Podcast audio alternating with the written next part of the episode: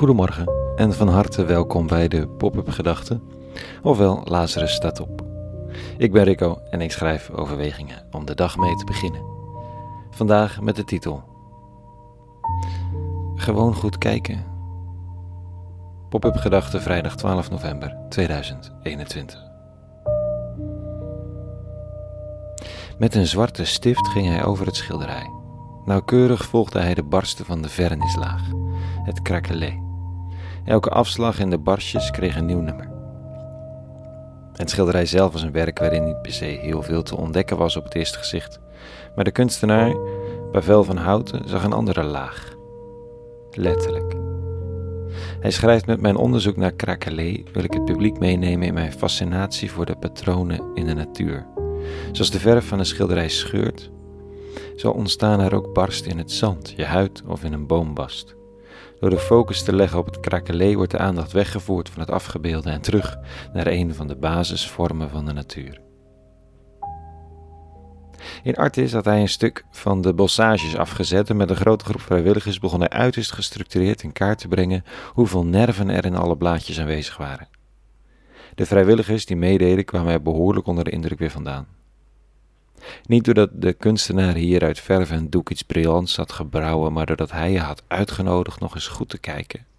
En door het simpele werk van het tellen onder de indruk te raken van de ongelooflijke ragfijne schoonheid, de detaillering en de structuur van de natuur zelf. Deze kunstenaar noemt zichzelf bij mijn weten niet religieus. Het heeft ook geen religieus doel, maar wat er gebeurt met mensen is indrukwekkend. Ik moet eraan denken bij het lezen van de tekst van vanochtend, die in een andere tijd, met een wat andere intentie, ook weer oproept om te kijken. Wijsheid. De mensen die wel de werken zagen en toch de kunstenaar niet kenden, maar die het vuur, de wind, of de trillende lucht, of de sterrenwereld, het geweld van het water, of de lichten aan het uitspansel beschouwden als goden die de wereld besturen. Als zij van deze dingen goden gemaakt hebben, omdat zij bevangen waren van hun schoonheid. Dan mogen zij weten dat de Heer van dit alles zoveel schoner is. Want de schepper van dit alles is ook de oorsprong van de schoonheid. Als zij getroffen waren door de kracht en het geweld van de dingen, laten zij dan begrijpen dat de maker van het alles zoveel machtiger is. Uitgaande van de grootheid en de schoonheid van de schepselen, kan men immers door vergelijking komen tot de kennis van de schepper. Goed, bij de schrijven van deze woorden komt er iets dogmatisch overheen te liggen. Een zendingsdrift die in kunstenaar als Pavel vreemd is. Maar toch, tijd, plaats en context hebben daarop een grote invloed.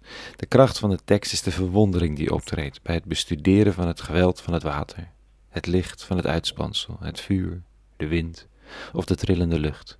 Of dus de ongelooflijke regelmaat waarmee de vernislaag van een schilderij barst, basisstructuren van de natuur. Pavel en de schrijver van deze en andere teksten leren de mens kijken. Pavel zou het fantastisch vinden als mensen na zijn lezingen met een nieuwe blik door het museum lopen. Niet enkel meer de schilderijen bekijkend, op zichzelf, maar ook de laag van het vernis bestuderen. Het puur plezier.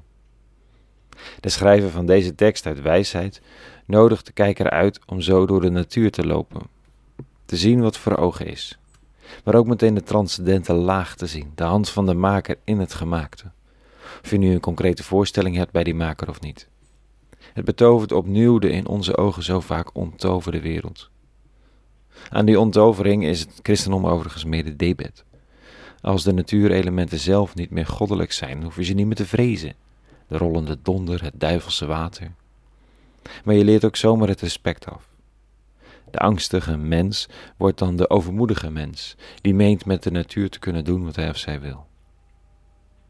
Dat leidt tot Glasgow-conferenties zoals vandaag, waar de mensheid toch in redelijke paniek bij elkaar komt om te redden wat er nog te redden valt. De handtekening van de eeuwige of een eeuwige handtekening herkennen in de wereld om ons heen. En in onszelf trouwens, de nerven in onze eigen huid, brengt ons een absoluut noodzakelijke verwondering en hopelijk een nieuw gewonnen liefde en respect. Tot zover de pop-up gedachten van vandaag. Een hele goede vrijdag gewenst, een goed weekend.